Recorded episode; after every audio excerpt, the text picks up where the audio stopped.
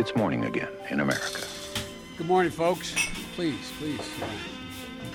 Come on, let's go. Let's go get some coffee. Thank you very much. Det er mandag 4. september, og morgenkaffen fra amerikanskpolitikk.no er servert.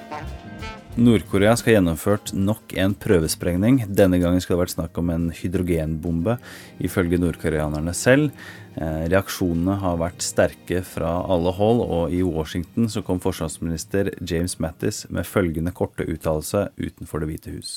Any threat to the United States or its territories, including Guam, uh, or our allies, will be met with a massive military response, a response both and overwhelming. King Jong un should take heed of the United Nations Council's unified voice. All members unanimously agreed on the threat North Korea poses, and they remain unanimous in their commitment to the denuclearization of the Korean Peninsula. Because we are not looking to the total annihilation of a country, namely North Korea. But as I said, we have many options so. Thank you much, President Trump eh, vurderer samtidig å innføre sanksjoner mot land som gjør handel med Nord-Korea, noe som da vil involvere Kina, som står for rundt 85 av Nord-Koreas totale handel. Samme mann fikk spørsmål om Nord-Korea-situasjonen på vei ut av en kirke. Eh, Han hadde nettopp snakka med presten og ble ropt spørsmålet om eh, han kom til å angripe Nord-Korea. Som vi skal høre i klippet her, så sa Trump kort 'we'll see', eh, og gikk da inn i bilkortesjen sin etterpå. Mr. President, will you attack North Korea? Som nevnt i morgenkaffen på fredag, så kommer president Trumps DACA-uttalelse først ut på tirsdag. Det er da snakk om Deferred Action for Childhood Arrivals, programmet som ble implementert under Obama, eh, som da har gitt arbeidstillatelser til barn og unge som kom til USA ulovlig, eh, og som nå eh, har blitt amerikanere, som er en del av det amerikanske samfunnet. Eh, Politico rapporterer nå i alle fall at Trump skal ha tatt en avgjørelse her.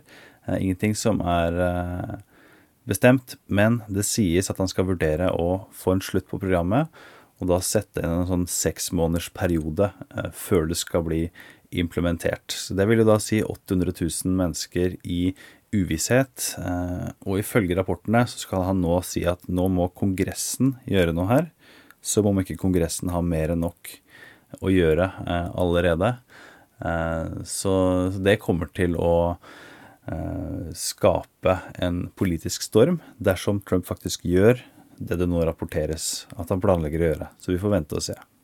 En annen liten ting vi har i morgenkaffen i dag, er jo at innholdet i brevet fra president Obama til president Trump, det som lå og venta på Trump i det ovale kontor når han tok over 20. januar 2017, eh, det har nå blitt lekka innholdet. Så det er jo eh, smått utrolig at ting som vanligvis først blir kjent etter en presidents tid, f.eks.